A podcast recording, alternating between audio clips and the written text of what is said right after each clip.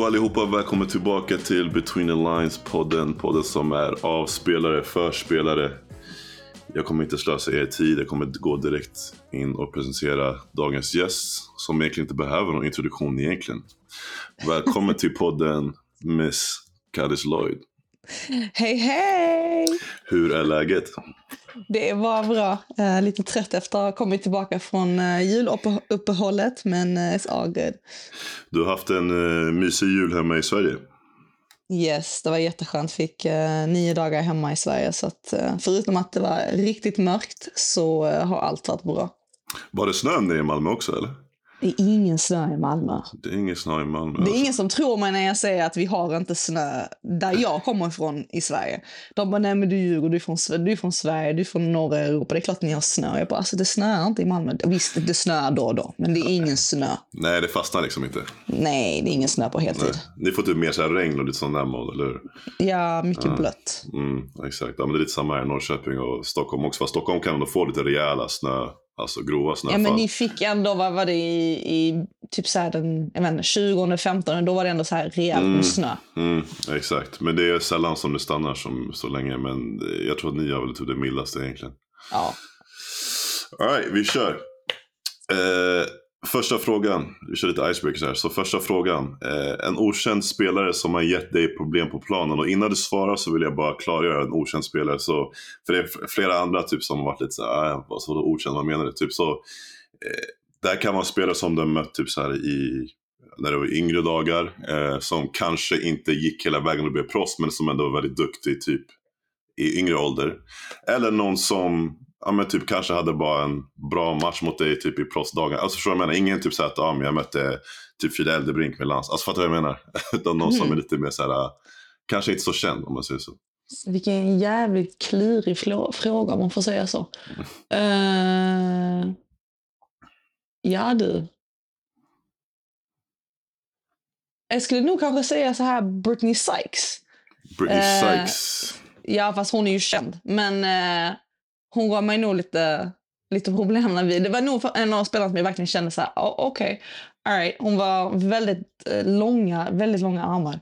Okay. Um, och så bara så här, catches you off guard. Um, så att, uh, ja, jag hade nog inte min bästa match mot henne.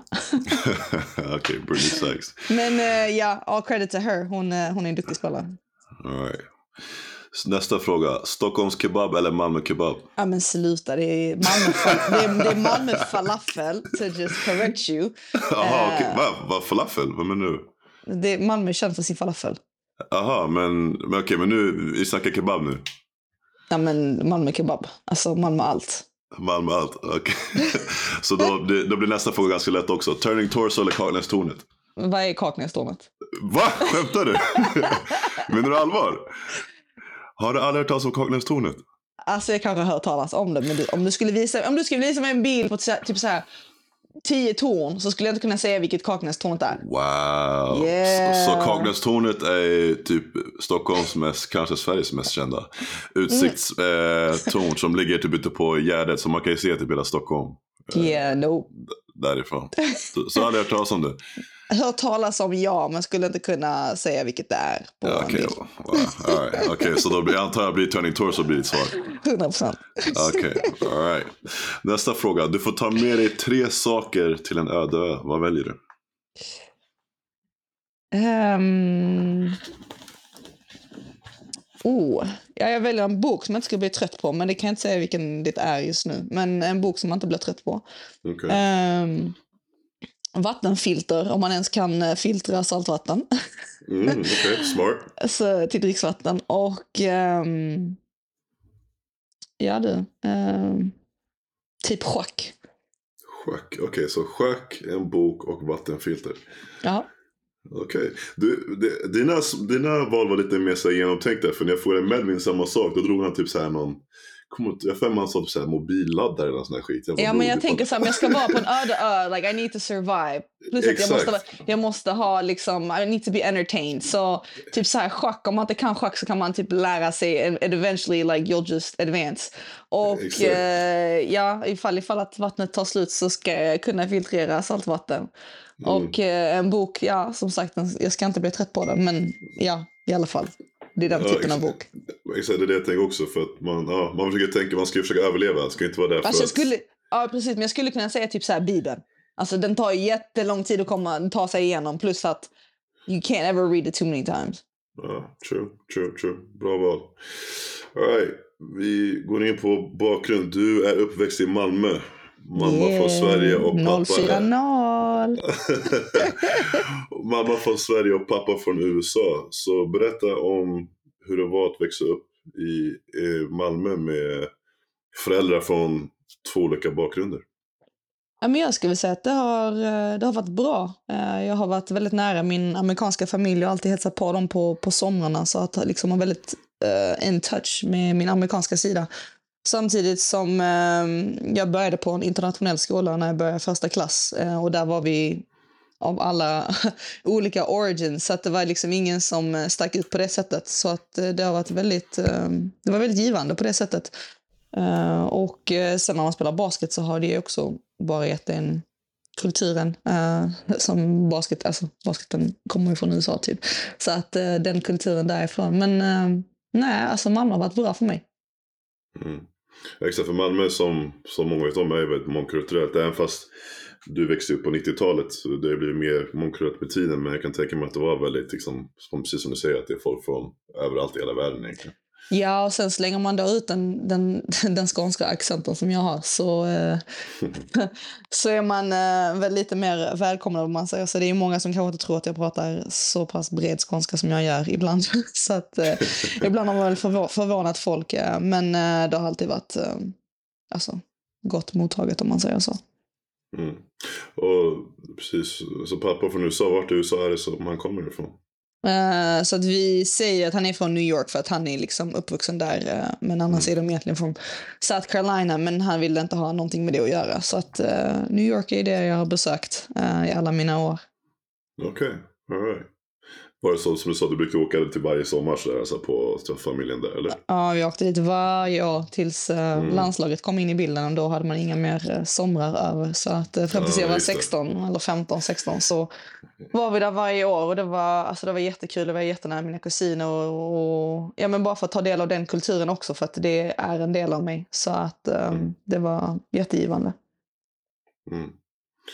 Så hur kom du in på basketen egentligen? Liksom? Var började allting? Alltså egentligen är det ganska självklart med tanke på att mina föräldrar och min bror spelat basket.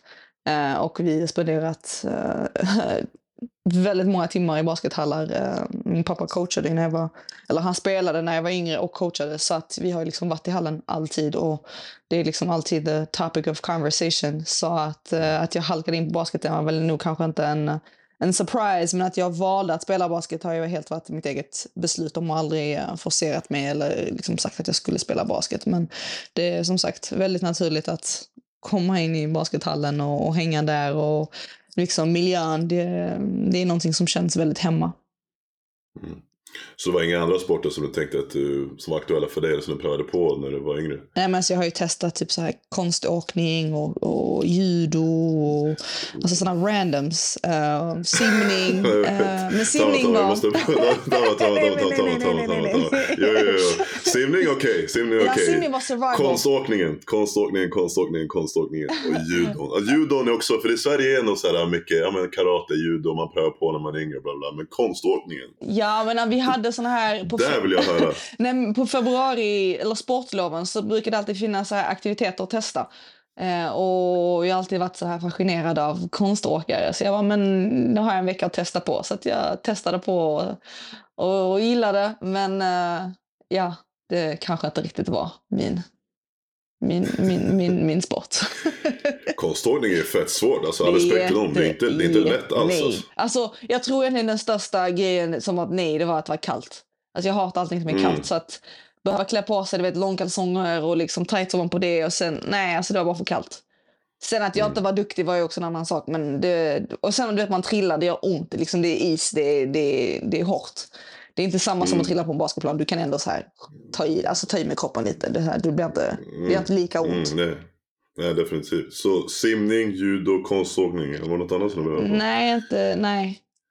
Ingen fotboll, ingen handboll? Nej, faktiskt inte. Men fotboll är också för att, för att det är utomhus. Like I don't Mm. do that. True. Jag är liksom inte på det sättet, jag gillar inte kyla, jag gillar inte att vara utomhus. Så att det Nej. fick liksom hålla sig inomhus. Och sen um, handboll, det var bara ingen som spelade handboll um, där jag var. Eh, men det var faktiskt en kille i min klass som drog med mig på en basketträning för att han, eh, han, skulle, ehm, han hade fått en inbjudan till en ny basketklubb som skulle, som skulle bildas inte så långt där, därifrån vi bodde. Och jag visste ju basket, liksom. Jag, liksom, jag skröt ju alltid om att pappa var basketspelare och så vidare. Så att, eh, han frågade mig om jag inte ville hänga med. Så jag hängde med och då var det bara killar och jag hade inga problem att träna med killar. Så i början så tränade jag med dem eh, och liksom, ja men det kanske ändå var kanske ett år som vi, som vi bara tränade. För att de var nybildade i klubb så de hade inte alla sina licens och alla sådana grejer. Och sen så skulle de börja spela matcher och då sa de att jag liksom fick inte lov att spela med dem, which I understood. Det. Eh, så att eh, sen valde jag att, liksom att, att spela med Malbas. Men det var en kille i min klass som drog med mig på en, en första riktiga basketträning om man säger så. Okej, okej. Shoutout till honom. Det kanske var han som startade hela... Han var liksom eh, katalysatorn Ja, men kanske det hela... alltså. Och vi är vänner än idag, så hela- det är jätteroligt. God bless. Eh, när du väl började spela basket, var du... Ska man säga, var du en late liksom? Hade du talang tidigt? Nej, i nej alltså jag var dagar? ingen, eh, jag, var, jag var, hade ingen naturlig talang i början. Det, och plus att jag Mm. var ju så, alltså jag var en pinne jag var liten. Jag växte ju väldigt mycket men jag var en pinne. Så att det var mycket så här Mm. ben och armar lite överallt. Um, hacksflax. Eh, men eh, nej, det tog, ändå, alltså det tog ändå tid. Men sen när det väl kom igång och liksom, jag började liksom, inte fatta spelet, men jag började bli duktig. Då gick det ganska fort. Så här, mellan, jag vet inte, mellan 14, 13, 14 till liksom, ja, äldre dagar så liksom, då, då var jag duktig. Mm.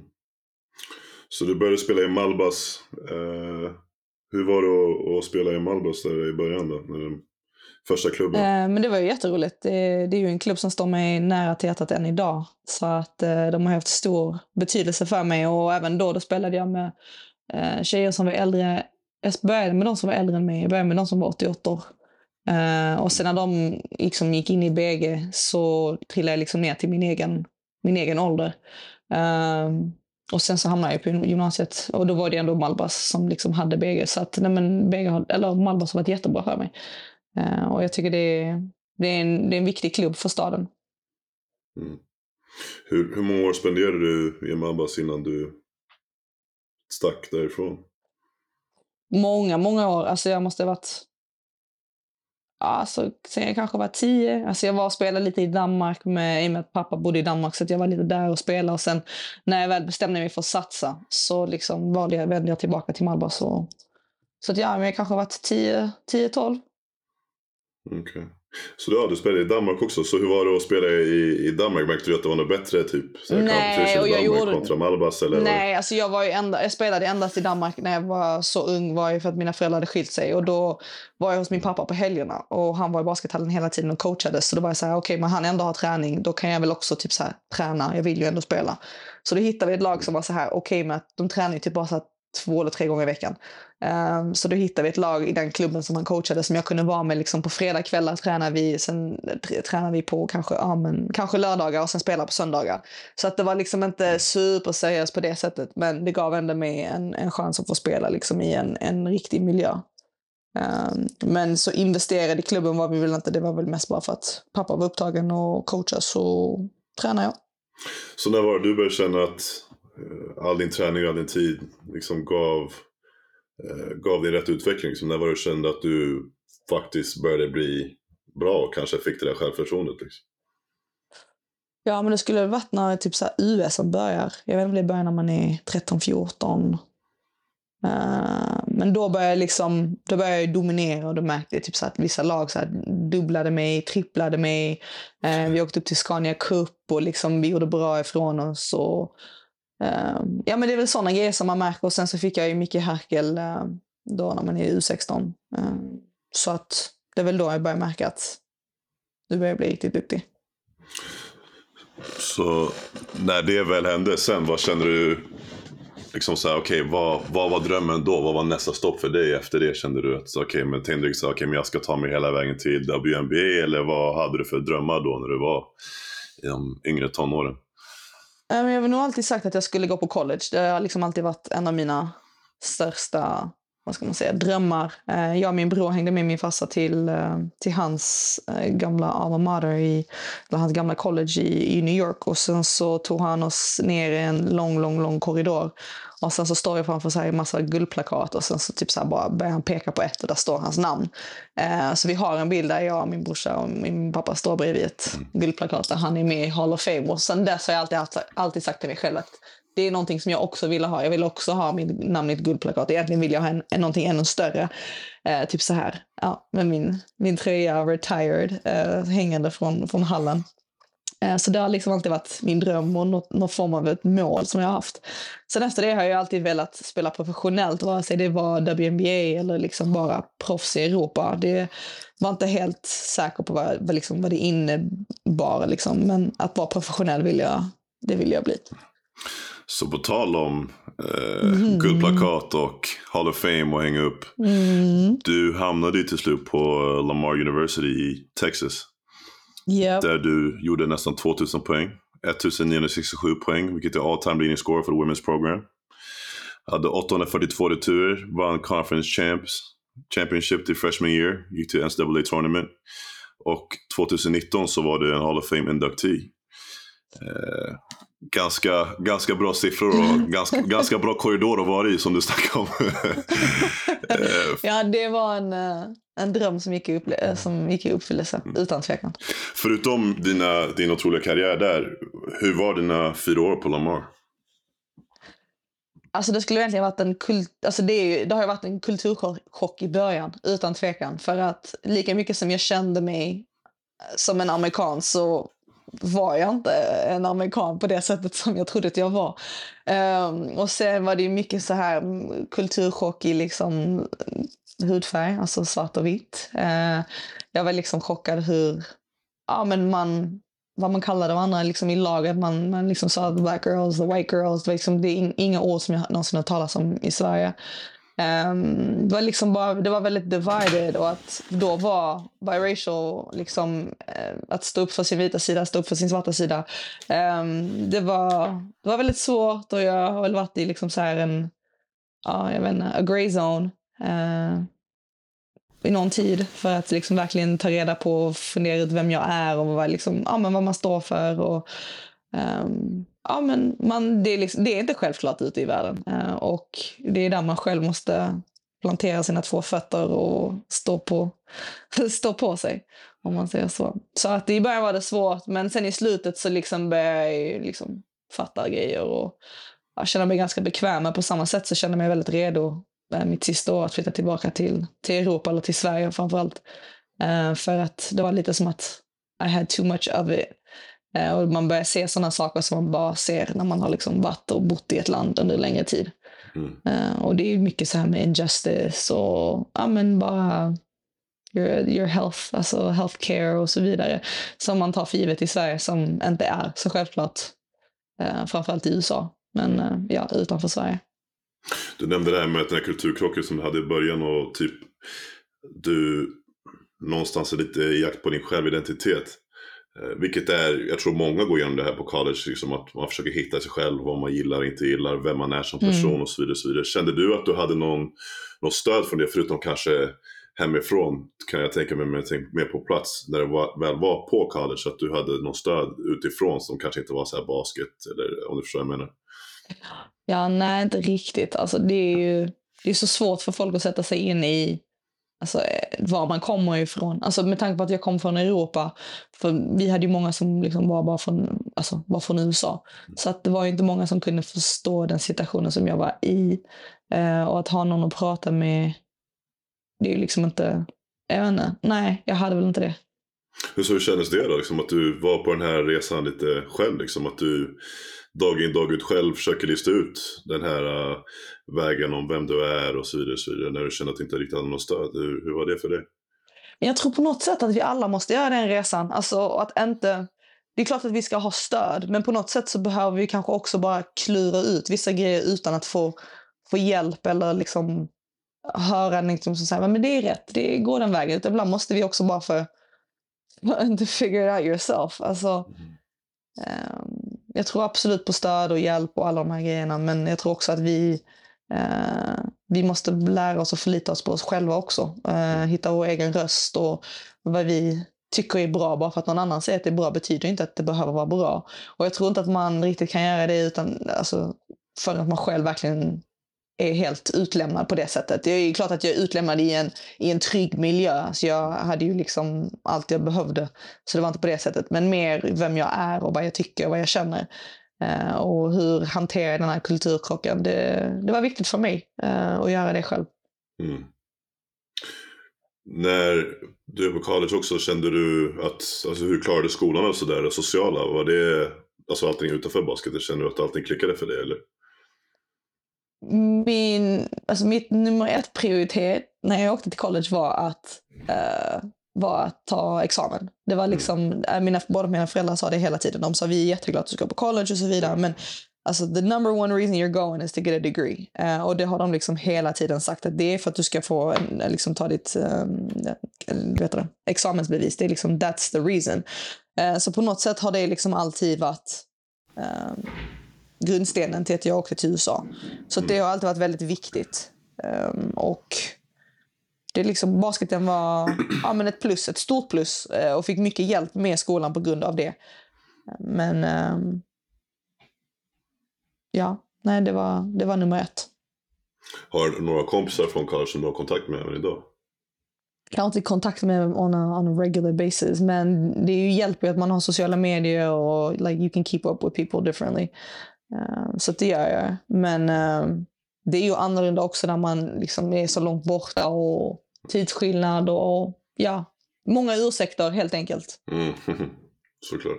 Var det några andra skolor som visade intresse som hade några, som gav några offers? Förutom um, Lamar? TCU, uh, UC Irvine um, och några andra mindre skolor. Men han som recruitade mig till, till, till Lamar var, han var recruiting coordinator för TCU. Och sen så fick han um, chansen att bli head coach på Lamar och sa come to Lamar, help me change the program. Och då var Lamar a losing, a losing program. Uh, och han berättade om alla sina planer och att jag skulle starta som en freshman. Och jag vet inte, vi åkte dit på en official visit både, med båda mina föräldrar och det kändes bara rätt. Man kan liksom inte förklara den där känslan i magen när det bara känns rätt. Och um, det var exakt det det gjorde när jag kom dit. Och det är ju en skola som är i ett form av ghetto. Uh, men uh, that wasn't an issue for me. Mm. Well, hey, you definitely changed your program. Första året, vi går, går från losing program till conference champs på första året. Det är ändå, jag menar, yeah. siffrorna, siffrorna ljuger inte. Så, I mean, det ser ut som att du gjorde a hell of a job. So. I was alright, I was alright. Men hade du, har, du, har du haft någon officiell eh, Hall of Fame in, induction ceremony? Eller bara jag, var inte typ där på, på the, jag var inte där på Hall of Fame, men jag var där när uh, min, uh, min tröja blev retired. När, mm. För då, skulle, då gjorde de en stor grej av det hela. För då gjorde de det, det var ingen kvinna. Och anledningen till också att jag vill verkligen ha det gjort på Lamar var för att det fanns ingen annan women's basketball jersey retired in the gym. Wow. Uh, så att uh, jag har liksom, och det har jag gått runt och sagt hela tiden till alla som jobbade där, alla som satt liksom i the administrative offices. Liksom, hur kan det vara så att det inte finns några kvinnor som har sina tre retired? Like, I'm sure that they've made history here. Uh, och hela tiden liksom pratat om det. och då när de då um, vad säger man? Ja, men retire my jersey. Mm. Så gjorde de också det för två andra um, tidigare. Så jag tror det var 70-talet och 80-talet. Och sen 90, 90-talet var ett skandalår. Och sen ja, var, var det jag 2010. Wow. Så du var typ som en pionjär även fast du var senare ja, än de andra? Ja, men pionjär med, med tre andra. Eller med två andra, ja. Wow. Så det så var hur kändes så det för dig, hur, hur kändes det för dig att stå där och, och, och alltså, se sitt linne med tanke på all historia som du precis nämnde och att du var den första liksom, och, som Nej. startade hela den här trenden. Hur kändes det att stå där? Liksom? Vad var det för känslor som kom upp? Nej, men alltså det var helt galet. Det var helt galet. Och fatta liksom att om jag åker tillbaka idag så hänger den än idag. Och åker jag tillbaka om 30 år så mm. kommer den fortfarande hänga där. Och det är så här galet. This is really bigger than me på det sättet. Um, och sen också att veta att jag har gått runt och sagt hela tiden att yo, why you ain't got no women's jerseys retired? Mm. Um, under alla mina år där. Och sen ja, men, några år senare få se att det verkligen händer. Att man faktiskt har gjort något. Att min röst eller våran röst, uh, eller alla de som har nämnt det, uh, faktiskt har hörts. Uh, det är ganska stort. Mm. Ja, det är ganska stort. Galet stort. är, så jag tror det är kanske större än vad du ger dig själv credit för om jag ska veta ärligt. För nu när du berättar, jag, jag visste inte att det var liksom att du var den första. Liksom. Det är, alltså, jag menar bara att få sitt linne upphängt i, i, i taket när man går i college. Så, jag menar, med de eh, siffrorna som du hade och så vidare. Men bara det i sig själv är stort med tanke på att du gjorde det liksom vi vann Championship ditt första år. Och, Mm. jag menar, man, om man går college och vet hur svårt allt det där är Ja, men precis. så, så inser man liksom så okay, wow, that's, you know, det, det är galet stort. Yeah. Och jag tror inte att man fattar här i Europa vad liksom innebörden av det är. Exakt. Exakt, för det är så mycket som kan gå snett på college också. Liksom, med, Ja, men all coaches och system och massa andra distractions. Och, Alltså allt. ja, men transfers, allt möjligt. Liksom, Ja. spelare som kommer in och går ut. Alltså, det, är, det är en djungel egentligen. Ja, och det var också det de sa, typ så här, för jag bara, men varför kan man inte bara göra det direkt när jag går ut och college? Och de bara, nej men vi vill också se typ så här, att personen är en bra människa och att liksom det inte händer några skandaler liksom, några år Mm. efter. Så att uh, I understand why, why it took some time. Mm. Så från college så startade du igång din proffskarriär och första stoppet eh, brukar jag säga alltid kan vara det svåraste när man spelar utomlands. Utan tvekan. Eh, det, det är mycket man ska försöka eh, ja men alltså man ska adjust to. Det är ny kultur, det är ny coach, Mm. det, är, det är språk och det är, man vet inte vart saker och ting ligger eh, och så vidare. Och så vidare. Och ditt första stopp blir Rumänien. Mm. Eh, vilket är ett väldigt speciellt land. Jag har varit där nu och spelat några Eurocup-matcher. Så jag kan Mm. definitivt jag kan definitivt bara tänka mig om det skulle varit mitt första stopp hur, hur jag hade handskats med det. Men hur var det för dig ditt första år i, i Rumänien?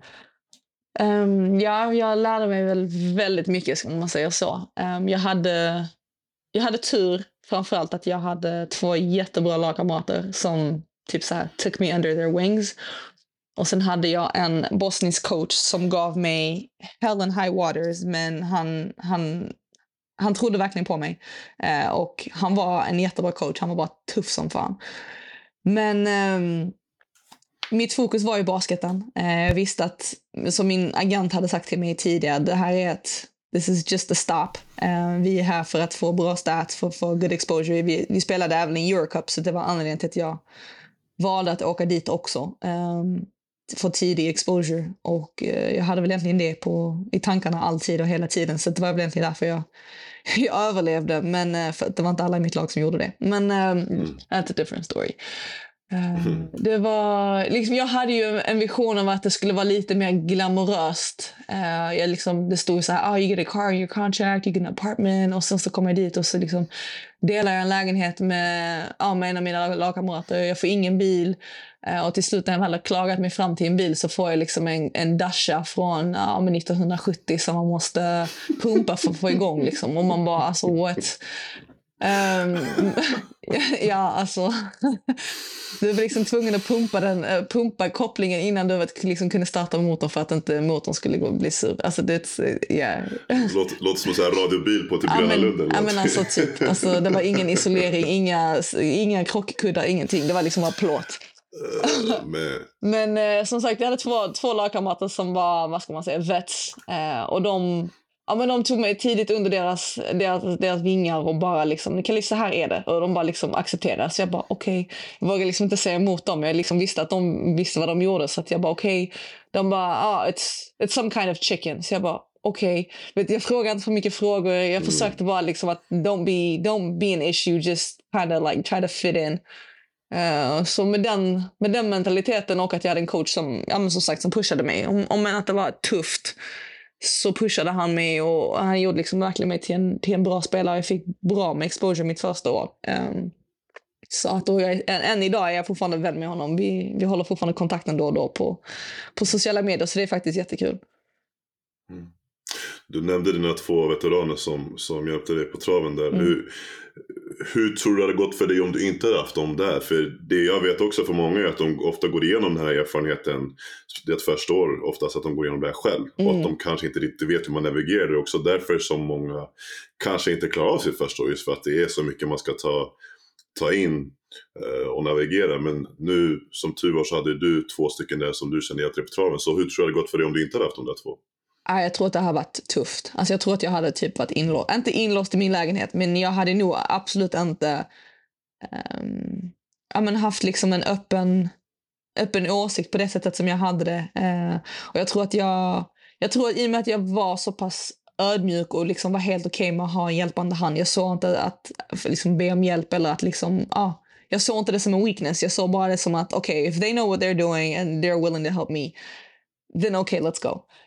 Um, och det var liksom det. Var liksom det. Efter matcher så liksom, ah, men häng med oss och ta en öl hemma hos oss. Vi, vi, vi käkar popcorn och dricker en öl och vi, vi hänger och spelar kort. Eh, det var mycket så här tider som man kanske skulle varit ensam eller som man normalt sett kanske hade liksom dratt ifrån. Så liksom sa nej men häng med oss. Och så, ja men ska du med, vi ska in till stan. Eh, kom med, vi käkar lite McDonalds, lite, lite sådana grejer som man ändå får sig känna sig som man har ja, men familj eller vänner, eller att man, man, man tillhör något. Det är inte bara en idrott. Mm. Uh, och det var vissa gånger vi har kommit till liksom hotell som jag aldrig... Alltså, det var nog de värsta hotellen jag sett i mitt liv. Uh, och jag, liksom, jag bara, nej men jag, jag, jag alltså va? va? Alltså, jag, kan inte, jag kan inte sova här. Det här, liksom, det här är inte rent. Nej, alltså, det här går inte. Jag har liksom en miljon grejer som går i huvudet. Och jag har min amerikanska lagkamrat som är, hon bara, alltså jag vägrar. Så en gång sov hon på bussen. Um, och jag bara, nej. Wow. Och mina lagkamrater bara, okej. Okay. De bara, du tar på dig dina strumpor, på med, på med liksom dina joggingbyxor, din tröja. Eh, ja, på med luvan. Och så satte de ihop sängarna och de bara, du sover i mitten. Och jag bara, okej. Okay. Mm. det, det var liksom, jag klagade inte, jag visste bara att okej, okay, men de, like, det, ing, det värsta, vad är det värsta som kan hända? Jag har dem med mig. Och eh, ja, det värsta är att jag tar en rejäl dusch när jag kommer hem eh, imorgon. Det var liksom, det var inte värre än så. Eh, och ja, det är inte det. Det, alltså det kunde ha varit så pass, så pass mycket värre och de gjorde det ändå så pass mycket bättre. Mm. Alltså det här med hotell i Rumänien, jag kan ju se det också som nu, jag har varit där två gånger den här hösten och spelat. Alltså det, alltså det går liksom inte att förklara hur grimy Tio år sedan Elias. Det var tio år sedan jag var där. Ja, precis. Och det här är ändå, exakt, jag kan bara tänka mig då för det här med nu. Och många av de här hotellen som vi var på, det var enligt deras standard Bra. Så här fyra, ah. fyrstjärnig typ. mm. typ. Och jag, och jag började tänka mig, det här var typ inte, alltså för mig det var så här, okej, okay, Scandic är typ som Grand Hotel i Stockholm jämfört med med de här oh. ställena. Alltså det var grimy yeah. på en helt annan nivå och maten var under all kritik. Ja. Alltså det var helt alltså, sjukt. Vi käkade ju något. Så jag kan bara ja. tänka mig för det du gick igenom för tio år sedan. Och, ja, ja. Alltså ibland mm. fick vi kött och vi bara vi bara, what is, like, what, what, what animal is this? Vad är det för djur? Och de bara, ja, exakt. Ja, men till slut så kallar vi det bara mystery meat. Alltså fatta hemskt. Like, you don't even know what, what, what animal or what piece of the animal.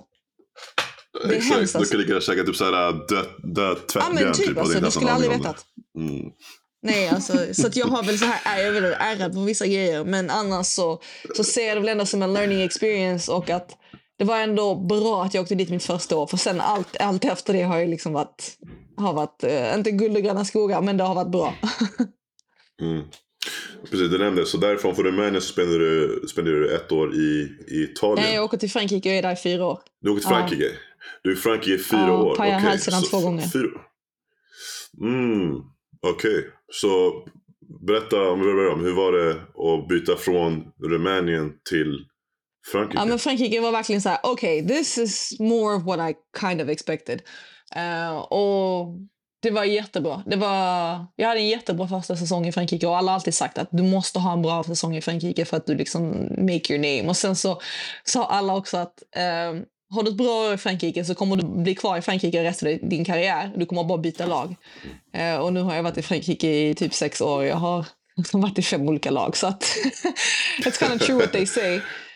Men ja. Eh, det var jättebra. Alltså, jag, jag trivdes verkligen i Frankrike. Jag trivdes att det var liksom strukturerat och ja, men så som man får betalt. Alltså, I Rumänien fick jag ju liksom, jag, managern kom ju liksom ett kuvert med, med, med, pengar. Alltså, I Frankrike fick jag... Det klassiska ja, det klassiska, kuvertet. Alla ja, över alltså, kuvertet. Jag, känd, alltså, som svensk kändes det bara inte rätt. Alltså, det är liksom, hur ska jag ta hem pengarna? Alltså, var ska jag förvara dem? Liksom, var, alltså, there was just too many questions. Mm. Um, så att Frankrike, det kändes liksom, okej, okay, det här påminner väldigt mycket om Sverige, liksom, fast det är ändå ja, men, annorlunda i kulturen. Eh, jag försökte snabbt lära mig språket bara för att liksom, man märker ju att eh, då i alla fall så var de absolut inte villiga att prata engelska. Så att det var bara att det är bättre att lära mig. Ehm, och ehm, ja, det, jag kommer ha det i bagaget. Så att jag har ett jättebra första år och sen så signar ett jättebra an, eh, kontrakt mitt andra år. Och det blir bara inte som det ska. Jag smäller på hälsenan utan att veta om det. Det är ingen som kan säga till mig att, jag, att hälsenan har gått av. Utan den, vad jag senare fick reda på var att den har delat sig i två. Uh, så att på en MR kan du inte se när uh, vet du, soft tissue är liksom pajat för att det liksom sitter ihop när det inte rör sig. Det är, liksom, det är, bara, det är bara mush. Uh, men sen när du rör dig kan du ju se att det sitter inte ihop. Så att en snubbe, upp, eller en snubbe, en doktor uppe i eh, Umeå, um, han kunde se allt detta och ja, men, löste mitt, min brustna hälsena. Var det din första stora skada? Som ja, det kan man väl. Nej, alltså jag pajade ju vet du, fotleds eh, eller ledbanden i foten när jag var på college. Men då är man så, så otroligt omhändertagen. Alltså allt från alltså, mm. första dagen till du blir opererad till liksom, ja, men varenda dag du har re, uh, rehab. Alltså you're so taken care of. Mm. Um, det är ju mm. inte samma sak när man är utomlands. Man är väldigt utlämnad, framförallt om säsongen är slut. Alltså då skiter de fullständigt i en. När man är skadad under säsongen så har man liksom ändå ja, men man har sjukgymnaster och alla, alla läkare och allting liksom, till hands. Men så fort säsongen är slut så är det bara ciao, goodbye, like good luck. Um, så att det som jag kan väl säga som är bra med Frankrike är att man får sjukförsäkring när man har blivit skadad på jobbet. Så att jag fick ju betala um, operationen i Umeå out of pocket och det var, det var inte billigt om man säger så. Så att uh, ja, wow. det var oerhört tacksam att uh, franska ja, men sjuksystemet funkar och att man får blir betalt fastän man inte spelar. Uh, så det är väl egentligen det, det som talar för Frankrike. Uh, som man kanske inte tänker på att rehab tar mer än, eller stora skador så tar mer än sex månader. Uh, och då är oftast ens kontrakt slut. Och då, ja, men är man själv och inte har inkomst. Fastän man kanske har sparat så vill man inte gå på sparpengar. Nej, just det. Så hur var det för dig då, Alexander, uppleva nu när du ändå är proffs att gå igenom den här upplevelsen att du är skadad, liksom, hur påverkar det dig mentalt och emotionellt? Och allt alltså, skador i sig har aldrig riktigt varit en stor grej för mig mentalt för att jag vet ju att det bara är någonting som händer med idrott. Uh, jag tror att jag har varit ganska bra med att handskas med, med den mentala biten om det. Det var väl mer bara, okej okay, hur ska jag, hur ska jag liksom röra mig annorlunda i form av vad kan jag göra för att inte detta ska hända igen? Behöver jag liksom ha ett bättre uppvärmningsprogram? Behöver jag liksom göra saker mellan träningarna eller behöver jag bli starkare på något annat sätt? För mig var det mer det praktiska. Hur ska jag förhindra detta från att hända igen? Um, och då var det väl till mindre skala. Jag ville egentligen bara bli helt frisk och liksom kunna spela igen. Och då hade jag också redan signat ett kontrakt inför nästa säsong. För de bara, men du löser det. Eh, du kommer bara ha väldigt många eh, så här medical exams innan eh, du blev clearad. Men annars så ja, men, borde allt vara okej. Okay. Så att uh, jag signade mitt tredje år i Frankrike och um, ja, det, allt verkar vara som det ska och jag spelar jättebra och vi startar säsongen helt fantastiskt. Och, ja, men we're the team to beat basically. Och sen så ja, men pajade jag hälsenan igen um, på en Eurocup-match i Schweiz. Var det samma hälsena eller? samma hälsena, då var det bara alltså... Ja, det, jag blev liksom opererad fyra dagar senare. Vi kom tillbaka till Frankrike. Uh, och då sa... Då, då hade min lagläkare sagt att han bara, jag vet inte... Han bara, jag vet inte hur det här kommer att gå. Han bara, det kan vara att du inte kommer kunna spela basket igen. Och jag bara, men bro, like, jag, har precis haft, jag har precis blivit opererad. Hur kan du säga någonting sånt här mm. liksom, så kort därefter? Uh, men jag liksom sket i det han sa körde på med rehab och bara... Och jag var inte stressad för att jag visste att säsongen var slut så det var liksom ingenting att ta mig tillbaka till. Det var liksom bara se till så att liksom, det, det, här kan inte hända en tredje gång. För att händer det en tredje gång då är jag, då är jag helt med på att min karriär är slut. Men två gånger, det är många som har smält korsbanden två gånger. Så varför skulle inte jag få lov, varför, varför är det inte en hälsena två gånger? Alltså, mm. what? Så att då, var, då la jag mycket tid och mycket extra pengar på att okej, okay, i gotta do things completely different. Eh, och liksom nästan backtracka mina spår i vad jag hade gjort de senaste två åren och vad jag skulle göra framöver. Hittade en jättebra um, fysioterapeut slash uh, styrketränare. Och, och liksom vi, vi jobbade varenda dag uh, och mycket tid liksom som på sommaren som inte jag behövde lägga. Uh, eller inte behövde, men som, som jag själv la. Som jag själv stannade kvar i Frankrike för att se till så att jag blev verkligen 100 procent. Mm. Uh, men typ så här, tre månader efter jag hade pajat hälsenan, då hade jag redan ett kontrakt igen i Frankrike. För de bara, men vi vet att du fixar din rehab, så se bara till så att du är hel du kommer hit. Uh, så har vi ett kontrakt som väntar.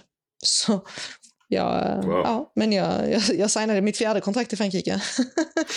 Det är ändå sjukt med tanke på att menar, du har dragit hälsenan två gånger och, och hälsenan är inte, eh, alltså dra sin hälsena, nu har inte jag gjort det, tack gud, knock on wood, men jag vet att många andra som har dragit hälsenan och det är liksom sån här skada som, alltså vissa kanske inte ens kommer tillbaka från, liksom. de väljer att lägga Mhm, skorna på hyllan helt. Så att du mm. ändå drar den två gånger på typ vadå, tre år och ändå får ett kontrakt tre månader senare. Men det, är, det är sjukt fan, alltså låt oss vara ärliga och kalla det det är fan helt otroligt egentligen. Ja, Eh, det... Men det, det säger en hel del, det, exakt, men det säger också en hel del om din eh, resilience ju, att du ändå är villig att, liksom, att, och komma tillbaka liksom, från, från motgångar också.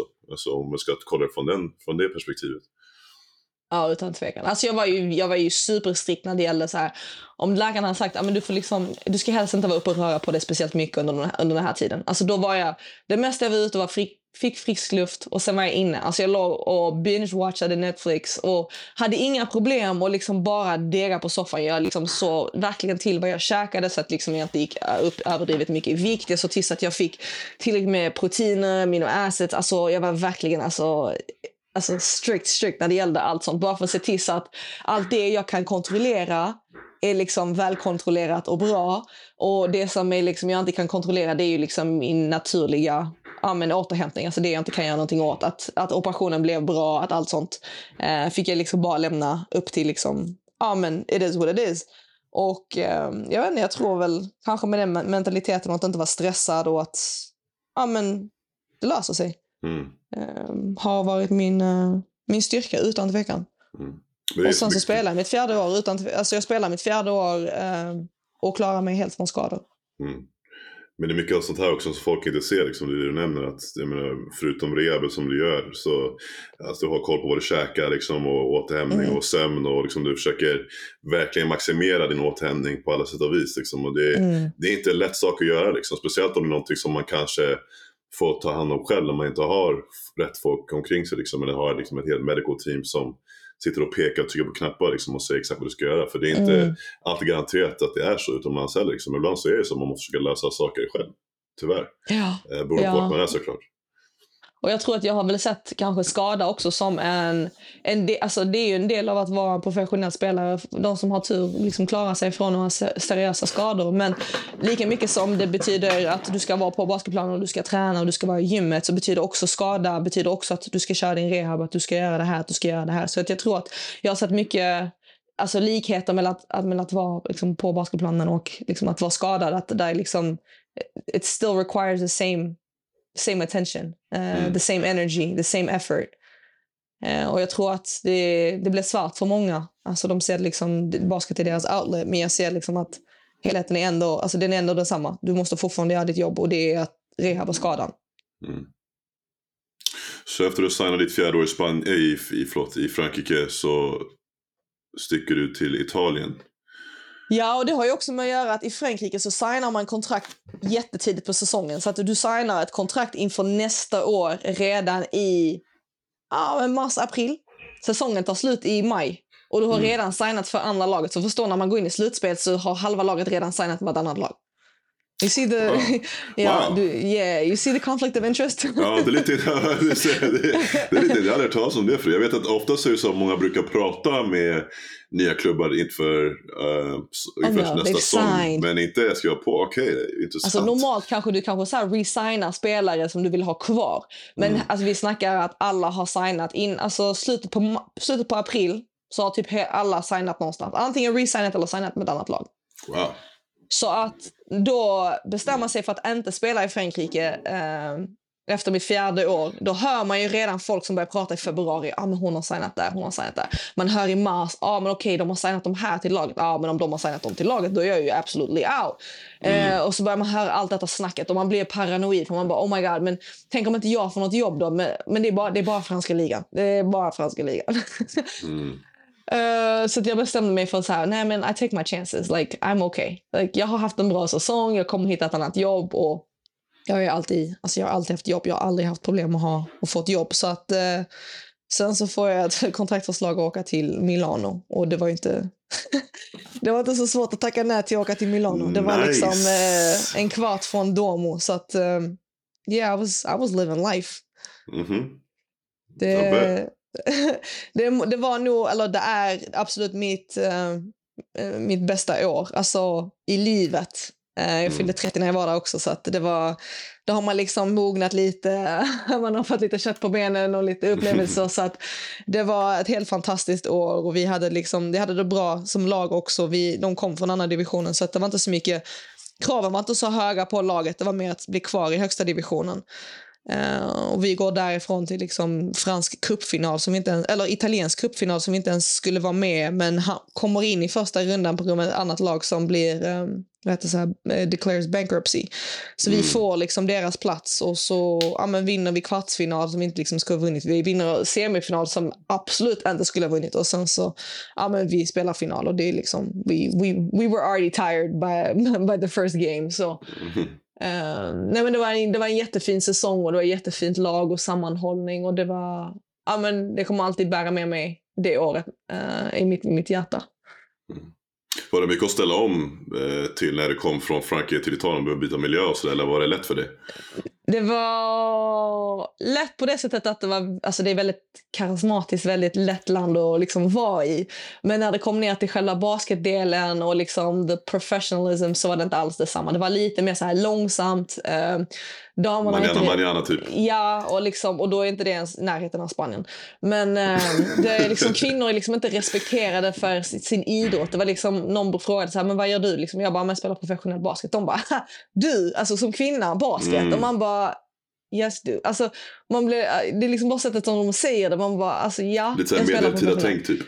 Ja, så att det är väl egentligen Mm. det som, it's not very progressive. Um, och Mm. det är väl kanske det som är lite tråkigt för att i Frankrike så är kvinnobasketen alltså jätteväl respekterad. Den är liksom ex, alltså extremely highly respected. Så att det är kul, det är därför det är kul att spela i Frankrike.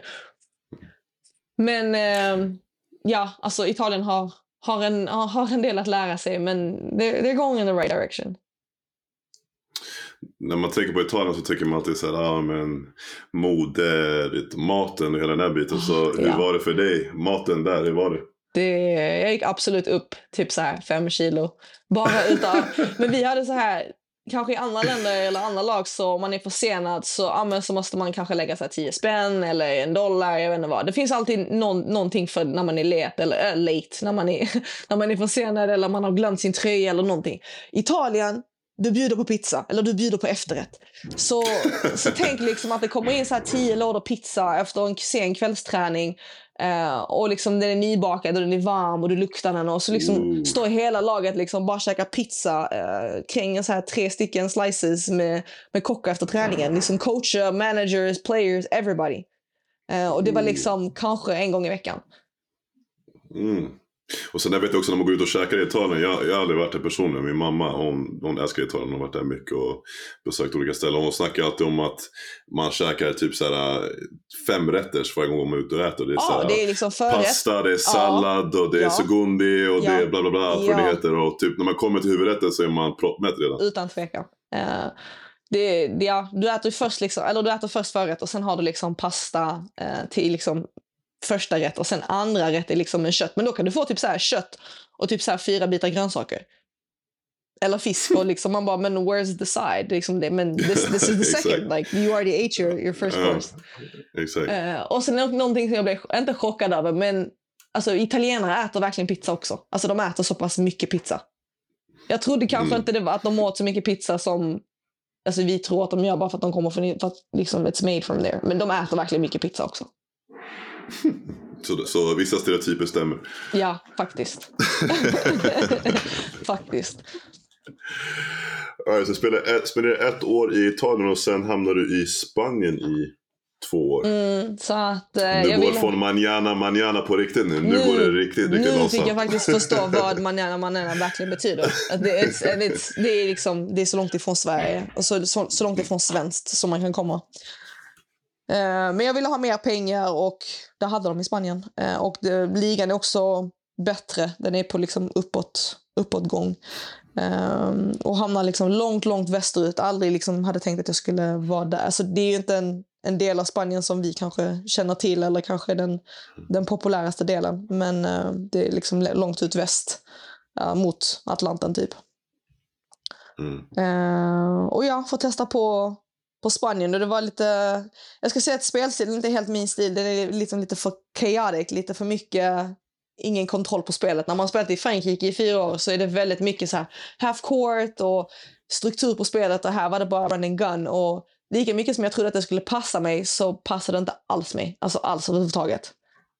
Okej, okay. varför inte då tror du? För jag tänker du den spelstilen där du är väldigt atletisk och kan röra dig upp och ner på golvet. Mm. Och, så varför tror du att det, det var så? Jag tror att jag är så här structured chaos.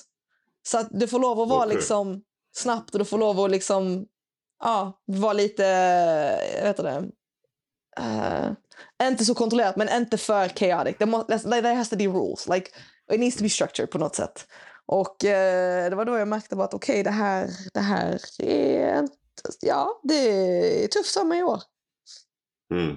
Uh, och sen hände ju corona. Så men just det. just det, alltså corona hände när du var i Spanien. Ja, och då var det ju också bara så här, ja men eh, vi kommer inte att spela denna rundan. Just nu vet vi inte vad som händer. Eh, det här är typ så en onsdag. Och sen så, mm. ja men så snackar mina amerikanska lagkamrater, de bara, men vi drar. Alltså, eh, vi, vi kommer inte sitta kvar för att ja, men händer någonting så kan vi inte komma ut. Så att vi, vi drar. Så de drog. Och då började jag tänka så här, men kanske ska jag också åka? Alltså vad, och då sa min agent, åk, de stänger, eh, de stänger gränsen på söndag. Eller på måndag. Mm. Så jag bara okej, okay. bokade liksom första biljetten ut och sen bara drog. Det kändes liksom, alltså det var så stressat. Det var liksom packa ihop allting på en dag. Man vet ju att normalt sett brukar man ju ha ja, men, tre, fyra, fem dagar när säsongen är slut och packa ihop sig och ta sin tid. Det här var liksom på 24 timmar, bara slänga ihop allting du kan och dra. Just det. Uh, ja. Men, du nämnde när du sa att uh det liksom inte gick så bra för dig i systemet och sådär. Var det någon gång under den perioden där du kände sig att du började tveka på dig själv som spelare liksom? Eller att det började sätta mentala spöken när saker och ting kanske inte riktigt gick som du trodde att det skulle gå? Jag tror under det året var det också eh, svårt för mig för att jag bröt handen första veckan jag kom dit. Jag bröt min skotthand och man bröt höger hand första veckan. Så att jag missade hela wow. försäsongen. Jag missade sex veckors försäsong och jag missade första, första matchen på säsongen. Så att jag blev liksom inkastad i hela grejen också. Jag hade liksom inte tid att anpassa mig till ja, men, spelet och laget och allting. Det var liksom bara att nu är benet läkt, varsågod och träna. Och då hade mm. ju ändå laget haft tid att spela ihop sig eh, en del och ja, men, hitta roller och så vidare. Och sen var jag ju ändå typ en viktig del av laget. Men samtidigt så visste jag liksom, kände jag inte igen min egen roll för att jag hade ju inte varit med och tränat på sex veckor. Um, så jag tror ändå att det var det som, som som gjorde att det kanske inte gick så bra i början.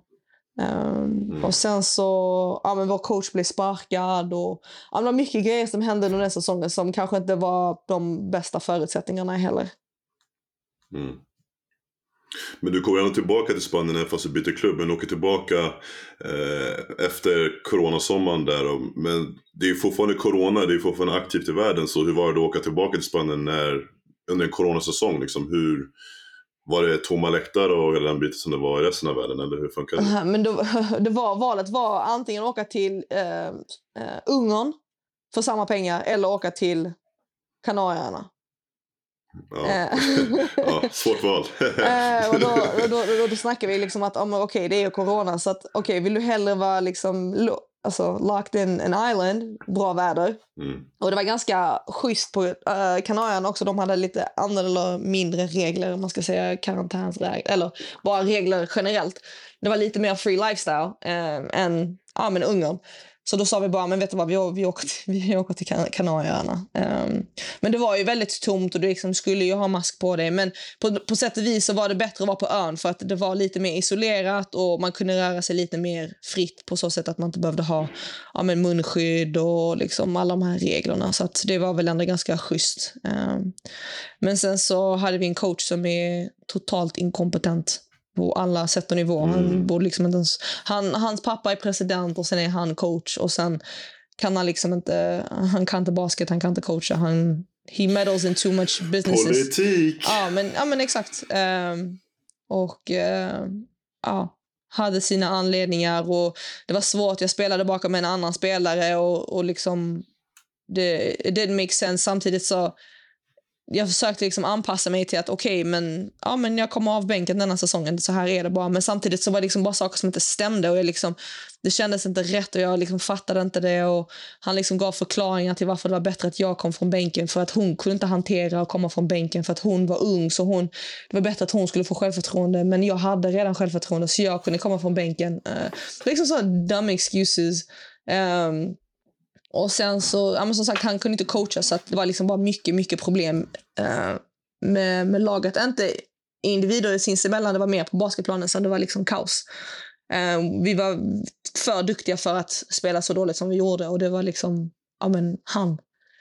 Eh, så jag bestämmer mig ett, i, och han, och vi fick inte betalt det heller. Vi fick, det var liksom två månader, tre månader försenad lön och då hade jag liksom sagt att det, det här går jag inte med på. Det, och då hade han sagt så men du kan du dra. Så jag var okej. Okay då gör jag det. Så då började vi leta ny klubb. Och sen när vi då presenterade till honom att okej, okay, men vi vill, vi avsluta kontraktet. Och han bara, ah, men det passar inte oss just nu för nu har vi några spelare som är skadade. Så att vi behöver att du är kvar. så jag bara, men det kan ju inte bara för att det passar er att jag ska bli kvar för att inte ni har några spelare så ska jag behöva sitta kvar i en dålig situation. Jag vill inte vara här. Um, och han bara, ah, men så här är Du får gilla läget. Uh, wow. Och det var liksom, även min agent han försökte liksom övertala honom att släppa henne, hon vill inte vara där. Och han bara, Khalees, han bara, I can't do nothing for you. Han bara, you just need to tell him how much you hate playing for him. You need to really mess with his ego to where he doesn't want you. Wow, låter som en dokusåpa. Nej men, nej, men och, och, det här pågår fortfarande än idag. Alltså han hade ju så mycket drama kring det här laget än idag. Det, det, that's another story. Men så jag fick ha ett samtal med honom. Jag bara, alltså, jag hatar att spela för dig. Det är liksom, du förstör mig som människa. Alltså jag fick verkligen säga allt. Även vissa grejer som inte kanske var sanna. Men jag fick säga allt för att han skulle så här, verkligen hata mig. Uh, och liksom hur jag verkligen inte ville vara där. Och sen till slut så, ja, med många vändor fram och tillbaka om avslutande av kontraktet så släppte han mig. Um, och då signade jag med Toulouse. Och då hade jag signat ett ett och ett halvt års kontrakt. Så att alltså spela klart liksom den säsongen och sen ytterligare ett år. Och deras mål var att gå från division 2 till division 1. Mm. Och där är du? Än idag, idag i högsta ligan. Mission accomplished. Madame Kalisloid. Mm, c'est moi ça. det, har varit det så länge när du blir riktigt fransk, fransk ja, kvinna. Un peu comme ça. Men... Eh, wow, jag, jag är fortfarande fast på den här grejen som hände i Spanien. Så... Nej, men alltså, vi kan, jag, kan berätta, jag kan berätta mer sen. Det är kaos. Alltså, ja, det är ja, ja, nej, nej, men inte, inte fördjupa oss så, men det, det som jag tänkte fråga var eh, liksom, hur, hur påverkar liksom, det dig som spelare? Liksom? För man tänker så här, alltså, vi, vi säger inte det egentligen, men alltså, det här är ju ett mm. jobb. Och jag menar, det här är en mm. Och om man skulle jämföra det här med en inom citationstecken vanlig arbetsplats i till exempel Sverige så hade det här hamnat åt till exempel Arbetsmiljöverket. Ja, utan tvekan. Alltså, I was miserable. Ja, för, exakt, och det är så sjukt för att det här i vår bransch, det är vanligt. Eh, inom professionell idrott, så är det här ja. supervanligt. Där spelare inte får betalt och man har coacher som är inkompetenta och det är politik och både det ena och det andra. Men ändå som spelare så är oftast någonting som vi måste brösta ja, liksom, för att det är en del av jobbet. Eh, och det finns liksom inget fack Nej. på många ställen. Eh, och det är några ställen jag vet att de börjar komma igång med det, men det är, inte, det är fortfarande ingenting som är vanligt. Men det finns liksom inga fack som man kan vända sig utan man är där mm. liksom själv. Eh, så för dig då när allting det här händer, för det låter i alla fall som att det här var din första erfarenhet av att allting gick åt ja, helvete. 100%. Eh, så hur var det för dig att hantera den här situationen nu? Eh, liksom din första Nej, men det var jättejobbigt. Det var, liksom, man fick ingenting. Man fick inga svar besvarade. Eh, och jag är väldigt tacksam att jag har en bra agent för att he was on it. Alltså han försökte verkligen och han gjorde allt han kunde och han liksom fick till slut mig ur därifrån. Men det dagliga när man behöver gå och träffa, gå, liksom, gå och träna till, med en coach som är liksom helt inkompetent, som man hatar. Som, eh, liksom, han helt plötsligt skulle du spela position 4 och du ska spela position 1 och man liksom spelar inte ens de positionerna. Men that's just cause han inte har någon annan på de positionerna. Det var bara så mycket skit eh, som på planen som liksom påverkar en utanför. För att utanför hade vi det bra. Alltså, vi hängde mycket med varandra, vi var på playan. Alltså, det var good life. Men man är så liksom uppjagad och ja, men, ja, miserable på grund av det som händer på basketplanen. För att man spenderar ändå mestadels av sin tid där. Man jobbar för att tjäna pengar för att ha sina pengar och så får man inte sina pengar. Okej, okay, kanske att den är en vecka försenad, två veckor, okej, okay, tre. Och, vet, och sen börjar man liksom hota med att, så som vi har rätt i våra kontrakt, att inte träna, att liksom sitta tills vi får våra... Och då, det står också så att, om inte ska, att, att, att, att det inte finns konsekvenser för att vi sitter om inte vi får betalt. Men det är, finns ändå konsekvenser, konsekvenser för att man inte spelar. Alltså, they, they look at you bad, they talk shit. Um, men jag är så här, jag har jobbat, jag får tjäna mina pengar, men jag tror det är svårt för många att mm. förstå den känslan av att när man har jobbat och man inte får betalt. Och att det är inte en dag, det är inte två dagar, vi snackar en månad, två månader. Och jag menar, det finns ingenting som säger att du kanske har eh, men, andra ansvar. Jag menar, nu har Nej, inte du barn. Och vet, jag, menar, to... Det finns ju folk ja. som har barn och mm. har hela familjer som kanske förlitar sig på den här mm. inkomsten. Liksom, och så står jag där själv och det är till den. Liksom. Det, är, alltså, det påverkar människor ja. hemskt egentligen om man liksom ska vara helt ärlig. Nej, så det var efter den, alltså under den tiden då var jag bara så okej, okay, alltså jag måste bara spela klart detta året. Okej, okay, jag har ett och ett halvt år kvar med Toulouse. Alright, so that'll give me a good cushion and then I'm retiring. För att det här, det här, är, det här är skit. Alltså det här, it ain't worth it. Um, och då börjar jag redan, då börjar jag säga, säga att okej, okay, men det, basketen börjar ta slut för mig. Alltså min glädje och liksom suget för att spela. Det är liksom, it's not worth this, it's not, being this, it's not worth being this miserable. Och um, ja, men börja kolla mm. på vad som kan hända härnäst. Mm. Fast du har ändå signat nu, du har varit i, i Toulouse nu i ett och ett halvt år. Du har signat, vad är det, två ja, år till? Ja, ett år till på detta. Men, uh... Ett år till, ja precis. Så vad var det som fick du ändra då? Från att vara så okej okay, men livet suger, jag hatar basket, jag är trött på det, fuck it. Till att ändå åka tillbaka till Frankrike där du har haft en bra erfarenhet tidigare. Uh, och fortsätta. Jag kom till en klubb, eller framförallt jag fick spela för en coach som bara lät mig spela. Han trodde på mig, han stod stora saker för mig och han bara lät mig få spela. Han liksom, jag fick lov att ta utrymme, jag fick lov att vara mig själv. Det var inte “Khalees can't play pick and rolls”. Det var, det var vissa sådana, “Nej men stay in the corner” or “We prefer you only do this”. Här var det bara så, okej okay, Khalees, du, du får göra du får göra typ som du vill fast inom liksom, inom, inom, ja, men inom systemet. systemet. Uh, han, liksom, som han mm. gav mig, han gav mig ledar, ledarrollen. Eh, många saker kom liksom naturligt också. Och jag hade liksom, och det var också coronaår så vi var ganska isolerade. Vi hade liksom, allt var ändå nedstängt i Frankrike. Men det var liksom ändå en bra klubb. Det, känd, det, var liksom, ja, men det var tryggt. Det var jättetryggt. Eh, både som klubb och, och som coach. Det var liksom bara skönt att vara här. Sen kände jag ju till Frankrike sen tidigare. Jag kan ju språket, jag vet hur saker och ting fungerar. Det var lite, lite som att komma hem. Eh, mm. På något konstigt sätt. Och nu har jag ändå spenderat mer tid här än någon annanstans. Eh, så att det är, det är mm. liksom typ ja, med mitt andra hem. Uh, och vi hade liksom ett mål och vi uppnådde målet och det är klart att när man uppnår ett mål så känner man ju liksom ännu mer uh, eller band eller ja, men man känner för klubben på ett annat sätt.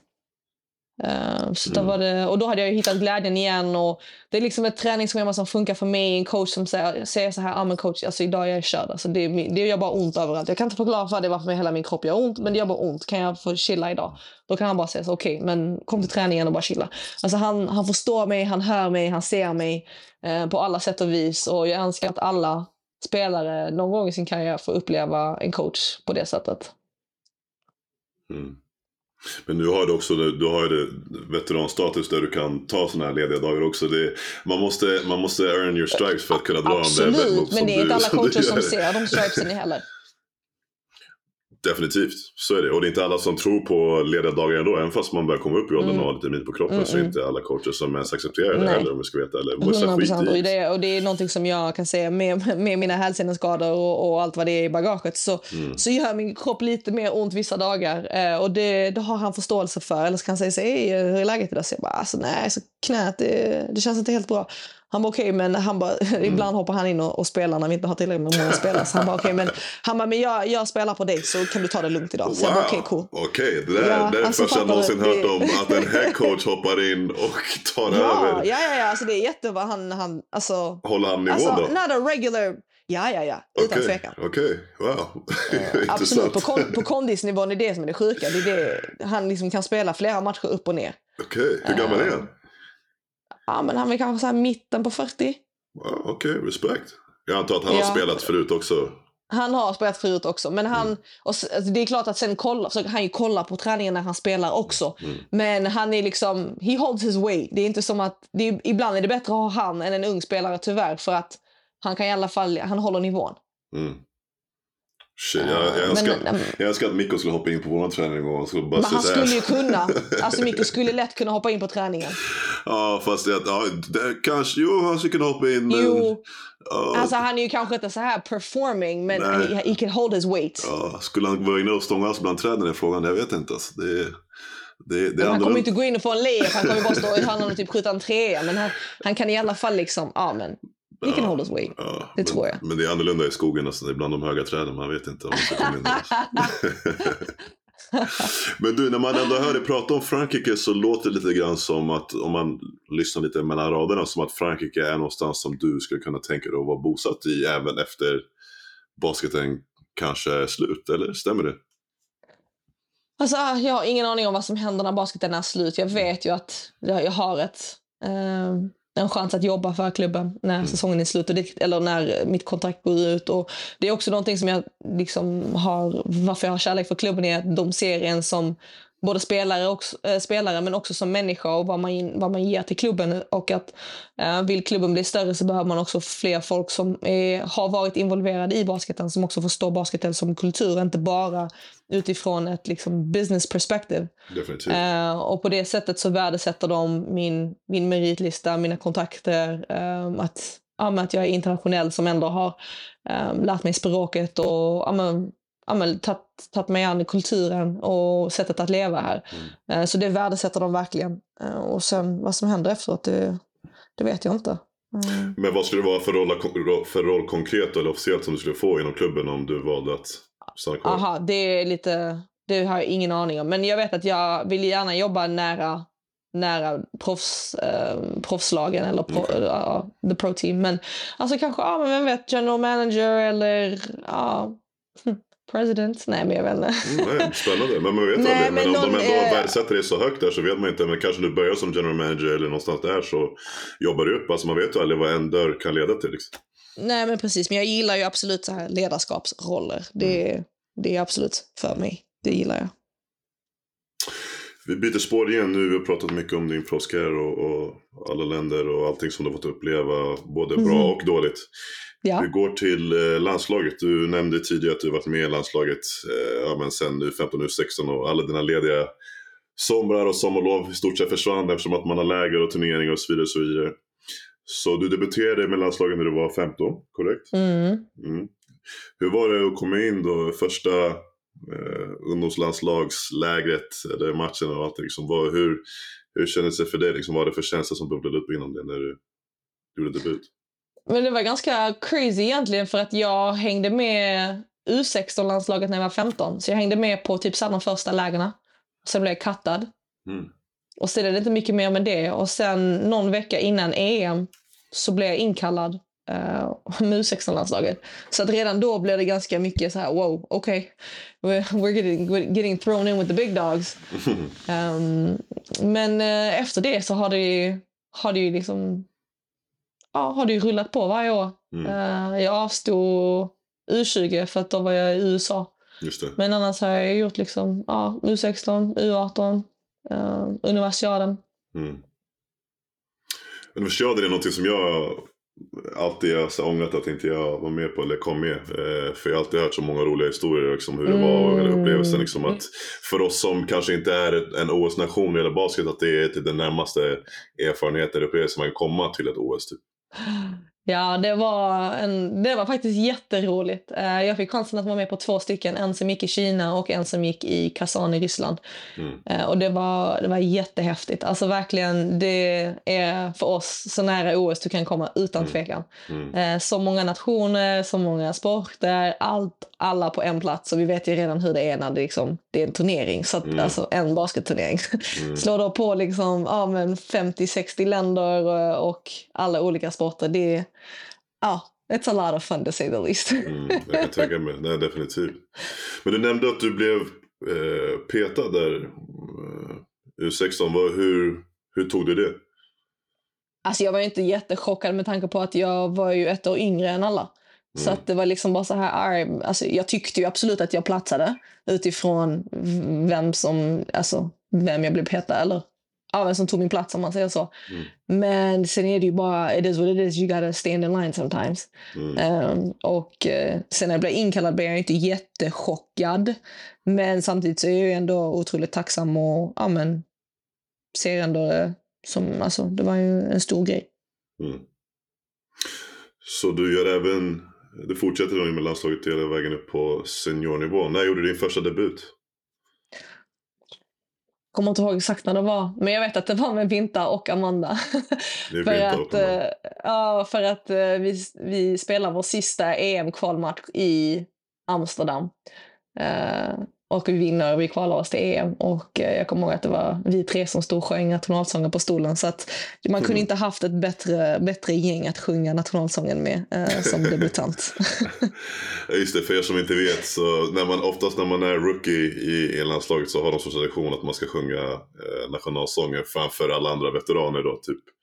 Eh, jag vet inte om det var så på den tiden men oftast idag så läggs ju sånt där upp på sociala medier så man brukar se Typ, jag vet att jag sett någon gång när det kanske var Melvin och de här som, som sjöng nationalsången när de eh, kom med första gången. Eh, jag själv har aldrig fått göra, jag har inte varit med men jag vet att man har fått se det eh, mycket. Mm. Men jag antar Alltså, att det inte, det var inte, det var inte något som, som lades upp när ni gjorde det kanske eller? Nej, men, nej alltså det är lite av en, alltså kanske en intim grej. Eh, Mm.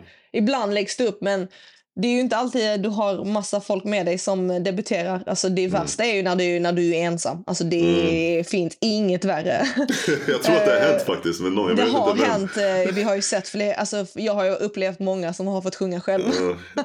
Jag, vet, jag vet stressen, och framförallt när de inte vet. För man vet heller inte när det, när det, när det händer. Det kan liksom vara efter första matchen, det kan vara efter hela liksom, e, alltså, EM-grejen i slut. Alltså, you never know.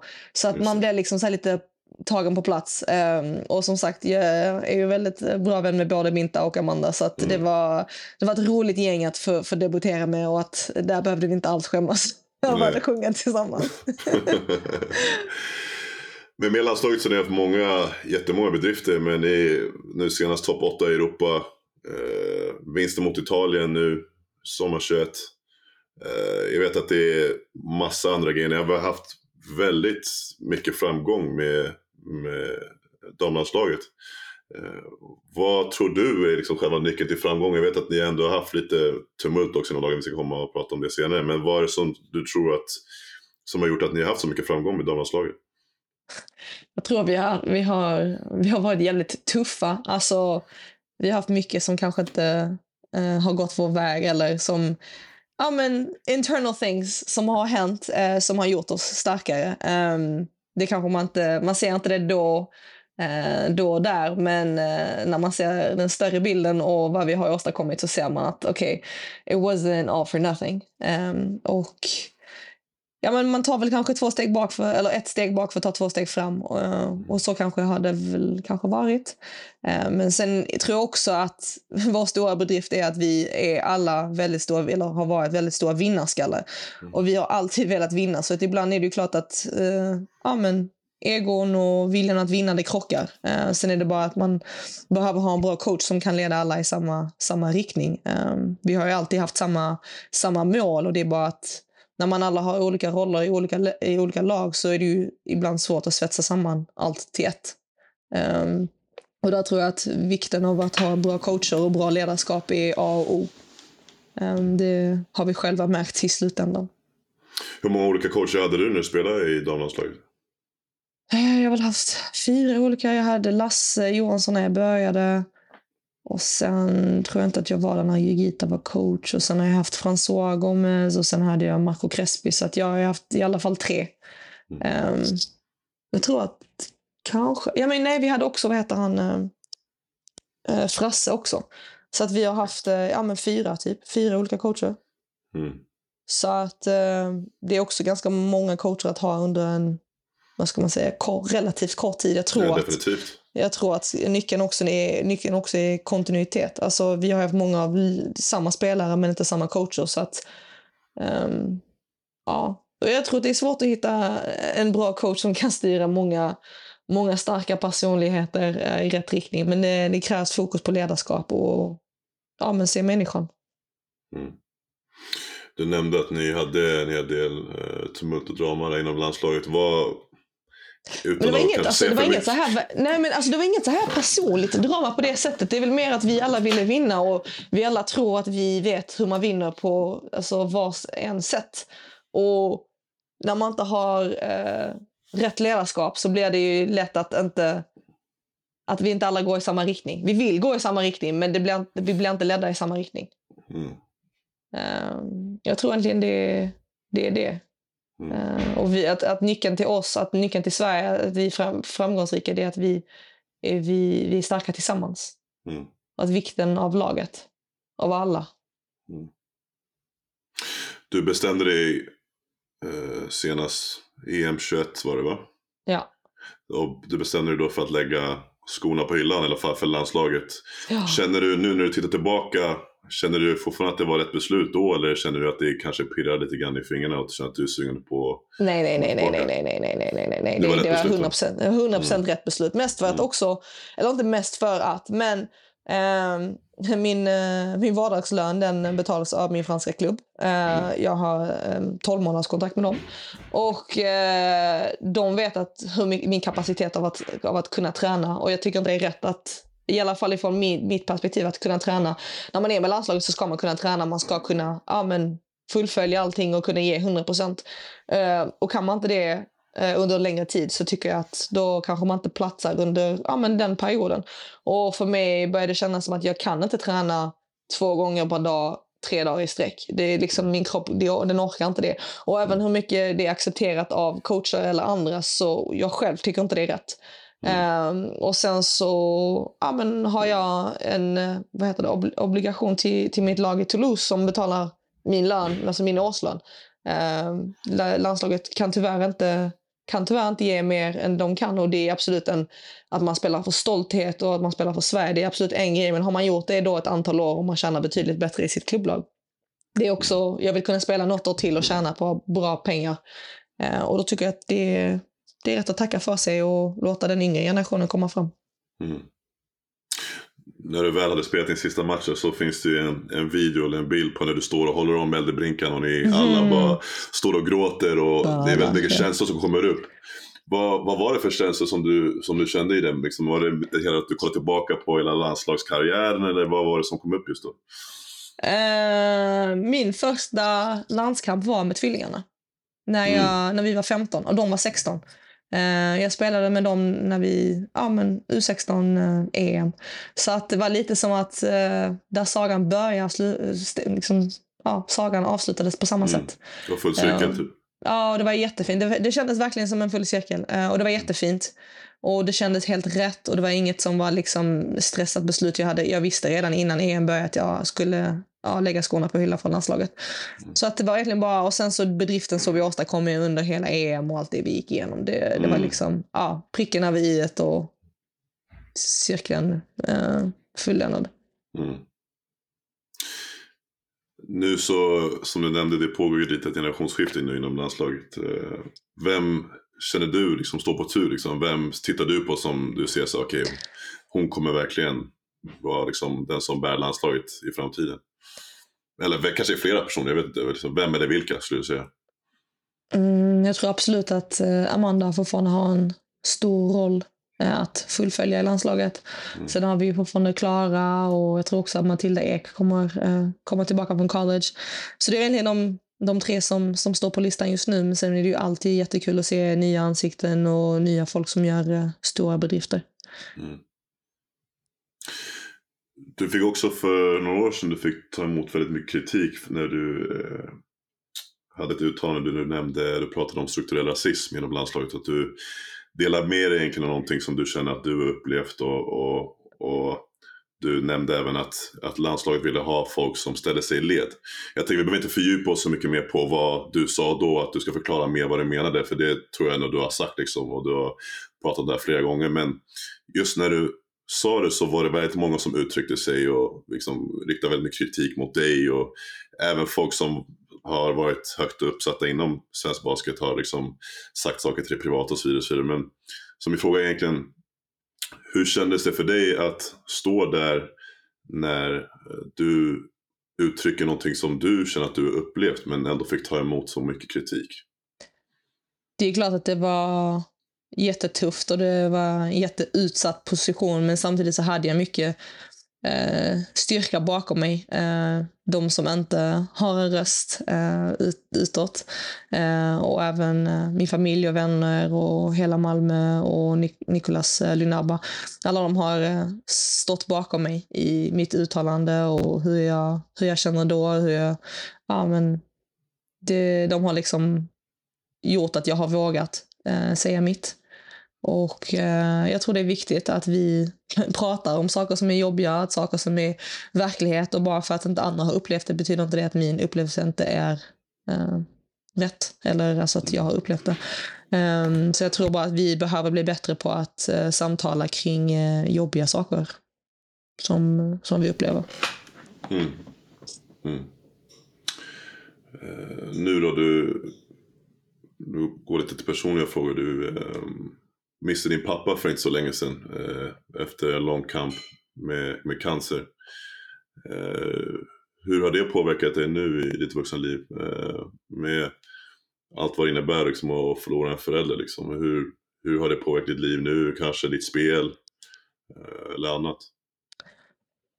Eh, det är klart att det är alltid tufft att, att mista en, eh, en förälder eh, tidigare än man kanske amen, ja, man kan inte säga tidigare än vad man hoppats, men eh, vi, det enda saken vi vet i, i livet är att vi, vi kommer att dö. Så att det är ju klart att man, man vet att det ska hända. Sen att det händer tidigare än man vill, det är ju självklart eh, betydligt jobbigare. Men eh, det, alltså, det är vad det är. Eh, livet går vidare och det visar en att man måste verkligen leva varje dag. Eh, till, till fullo och att verkligen älska på dem som, som man älskar i ens liv och, och verkligen spendera tid. Och jag tror att vi blir väldigt upptagna med ja, men sociala medier och, och tror eh, att vi har mer tid än vad vi faktiskt har. Så att det kanske också var en reality check to, to check in with your people. Um, men sen, uh, ja, det är väl min styrka på det sättet. Um, mm. Att uh, ja, men fortsätta göra honom stolt och ja, men, vara den jag är. Mm. När, när fick du reda på att din pappa var svårt sjuk? Uh, jag visste att han började få, alltså, vara var något sån här sjuk i, i mars, april och sen när jag kommer hem i, i uh, maj då blev han diagnostiserad med blåscancer. Och sen kort därefter eh, får vi veta att de gick in och gjorde något litet ingrepp och sen så kort därefter får vi reda på att han har fått en jätte, jätteaggressiv form av cancer. Eh, och att eh, det har spridit sig eh, i hela kroppen. Så att han började med cellgifter och sen så tog nästan cellgifter all kraft ur honom. Så att det, de, de ville inte behandla honom med cellgifter för att det gjorde honom så pass svag. Så att cancern plus cellgifter, och även om cellgifter liksom ska ta död på cancern så tog det död på liksom hans egen kropp för att han hade liksom inget... Eh, ja, men det var inte mycket mer kvar av de, det goda i hans kropp. Det liksom dödade allt. Mm. Eh, så att... Eh, ja, men han... Han dog i ja, slutet på augusti, så att egentligen var det en ganska kort... Kort... Eh, kort kamp mot eh, cancer. Men eh, mm till slut så vi var med honom när han gick bort och mm. han var till ro. Och, ja, det, vi var med honom mycket i, alltså, under hela denna tiden i sommar. Så det är väl egentligen det som jag kan väl säga att jag var glad över att det här inte hände under säsongens gång då man inte har tid att vara med ens älskade. Eh, och att jag faktiskt ja, kunde vara där i princip hela sommaren med honom och få spendera den, den sista tiden med honom.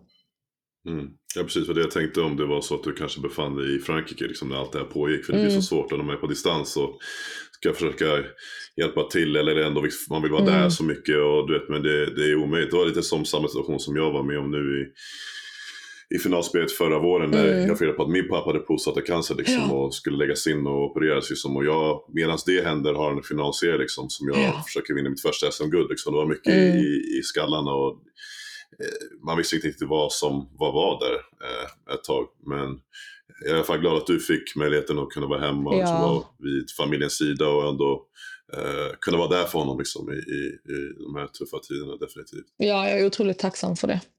Mm, mm. Rest in peace, rest in peace. Mm. Eh, sen lite mer, vi vänder oss till lite mer positiva nyheter.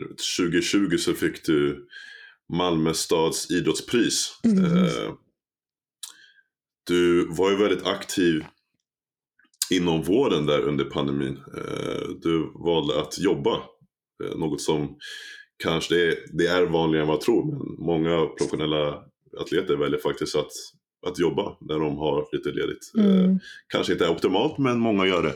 Men du Ja. valde som sagt att jobba inom vården och vad var det som fick dig hoppa in där, liksom, mitt under en pandemi?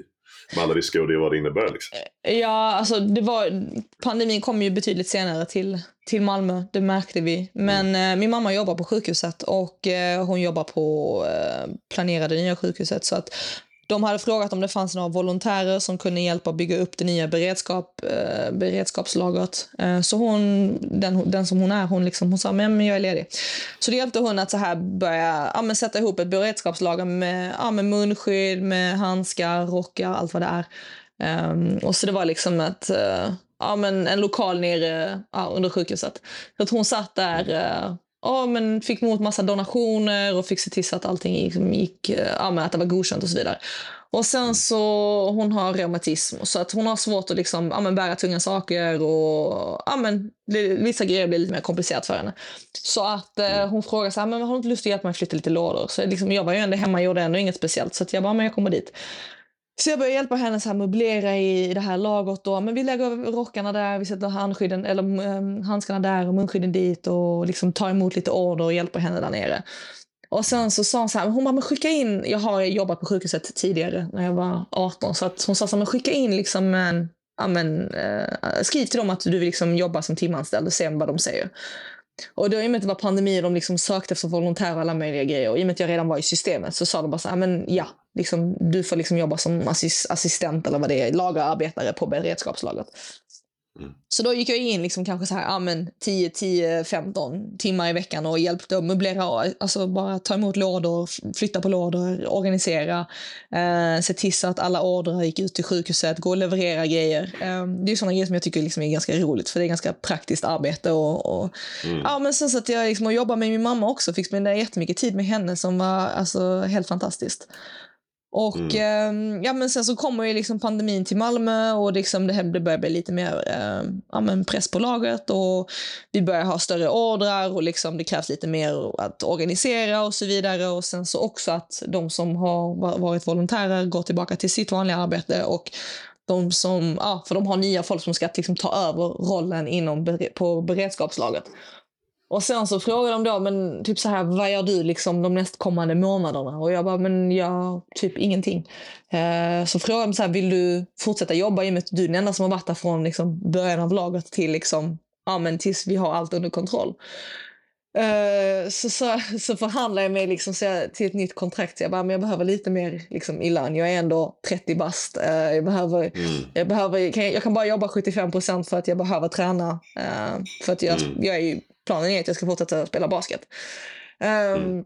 Och så sa de så ja men okej, allt, liksom, du får det, vi ger dig en dator, du får en telefon, du får busskort. eh, Men vi kan tyvärr inte ge dig en, liksom, ett, ett kontor, så är det okej om du jobbar hemma. Så i mitt huvud så ser jag, så mitt huvud så jag bara, ja, ja, ja, ja, det är klart jag kan jobba hemma. Så, så det, Wow. var, det var helt eh, perfekt. Och sen några dagar i veckan åkte jag in och liksom kontrollerade vissa grejer. Åkte till Lund för att kolla på sjukhuset i Lund. Och, men jag fick jättestort ansvarsområde ganska fort. Och det var, men det var roligt för att de, de såg det redan ganska tidigt att jag hade kompetensen fastän att jag inte hade erfarenheten kanske. Eller erfarenheten i form av Mm. basket men inte i form av liksom, ja men, fysiskt eh, jobba på sjukhuset. Just det.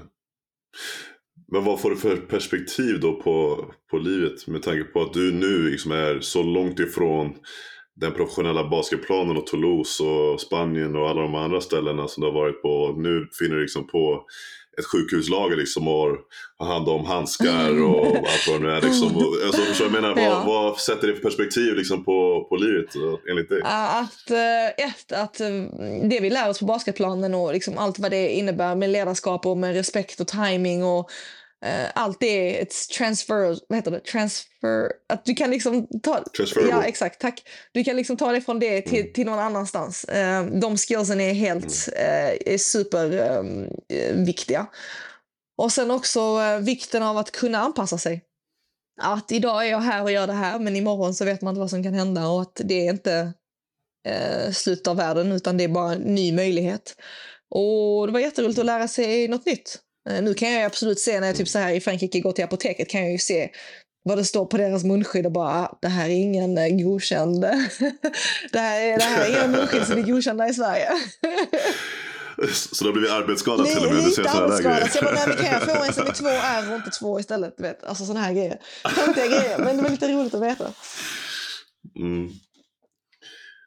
Ja men måste ändå ge dig eloge för jag menar det är, alltså, jag tänker på att du går in och jobbar inom, inom vården liksom under en sån tid och jag menar vi alla vet liksom hur tufft det var på vården, även fast du inte var liksom kanske och jobbade med patienter men du hade ju ändå en väldigt viktig roll Absolut. liksom med tanke på alla resurser som du var tvungen att skicka ut liksom höger och Mm. vänster till olika sjukhus och se till att allting måste stå rätt till liksom. Det måste man verkligen ge dig en eloge för liksom. Det är väldigt få som tror, jag tror hade gjort, eh, liksom hade jobbat inom ett sånt yrke under en sån tid. Så Thank you. definitivt. Tack. Nej, men jag tror att det är viktigt att man, eh, att man you, you give a helping hand. Jag tycker det är jätteviktigt för att Mm. till slut är, är vi inte mer, eh, vä- världen är inte större än så att vi, att vi behöver hjälpa varandra. Alltså, Mm. där, när man kan så borde man.